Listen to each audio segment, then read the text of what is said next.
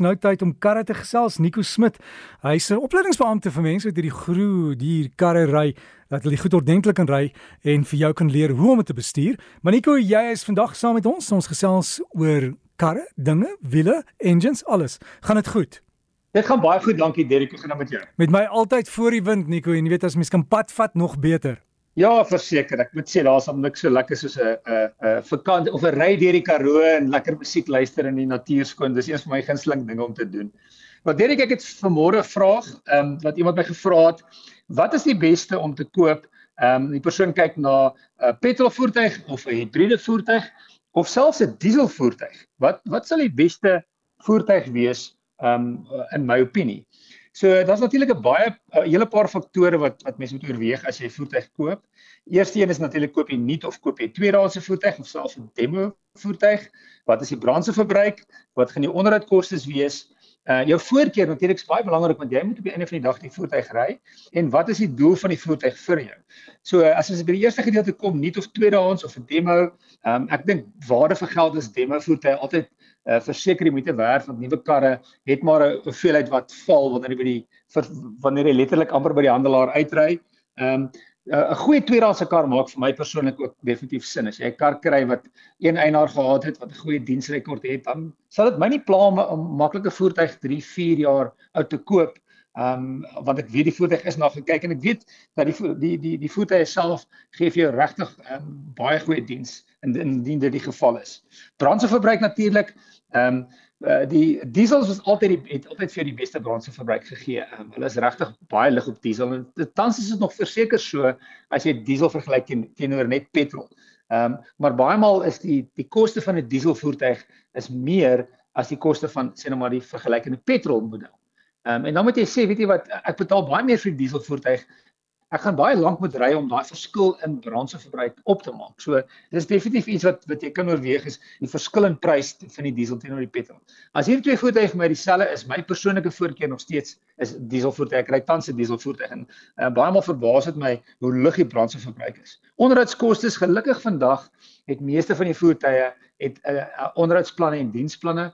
As jy na 'n tweedehandse kar ehm uh, kyk wat wat ouer is dan is dit definitief iets om te oorweeg. As jy nou 'n 'n groot 6-silinder engine koop, 'n diesel 6-silinder byvoorbeeld, ehm um, wat 10 jaar oud is, dan moet jy weet daar is 'n moontlikheid dat wanneer jy byvoorbeeld die inspuiters moet vervang, dit redelike hoë koste gaan wees. So ehm um, ek sal altyd eerder 'n 'n nuwer ehm um, kleiner kar koop as 'n groter ouer kar. Dis weer eens my voorkeur is ek dink is is deel van dit.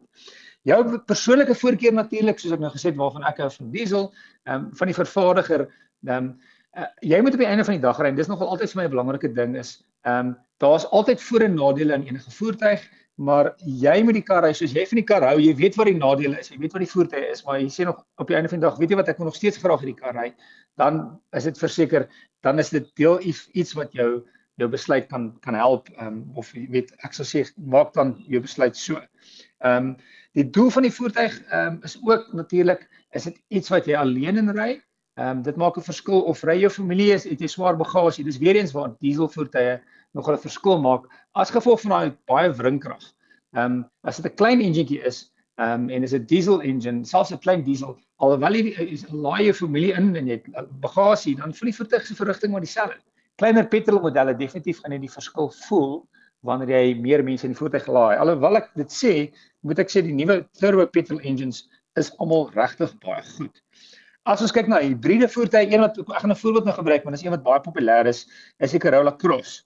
Uh en die Corolla Cross het petrol engines of uit uh hibriede voertuie. Vinnig hibriede uh, engine is 'n uh, hibriede voertuig is 'n battery en 'n elektriese motor. Jy kan nie die battery laai nie, die battery word gelaai elke keer as jy rem en dan wanneer jy wegtrek is gewoonlik jou meeste brandstofverbruik, gebruik jy voertuig 'n elektriese engine en dan wanneer jy beweeg, gaan jou petrol engine inskop Ehm um, en dan wanneer jy rem dan laai jy weer die battery. En die brandstofverbruik op baie voertuie is is regtig baie goed.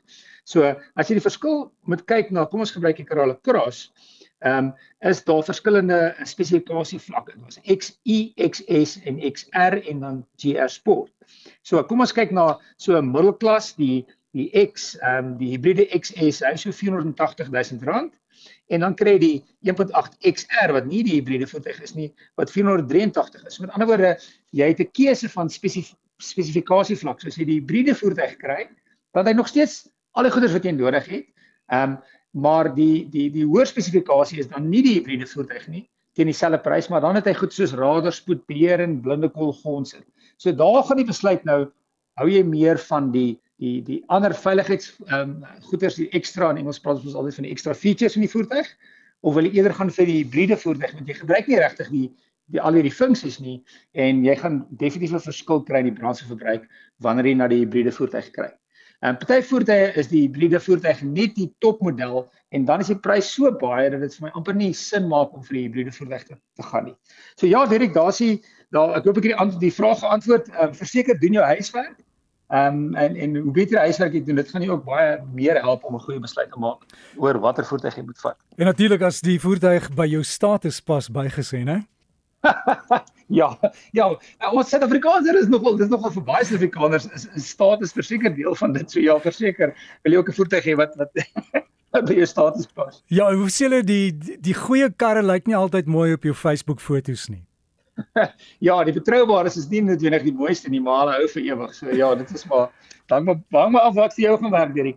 Nico, alles van die beste en 'n goeie naweek vir jou en dit dan ons wiele bydra saam met Nico Smit. Jy kan vir Nico e-pos as jy 'n vraag het.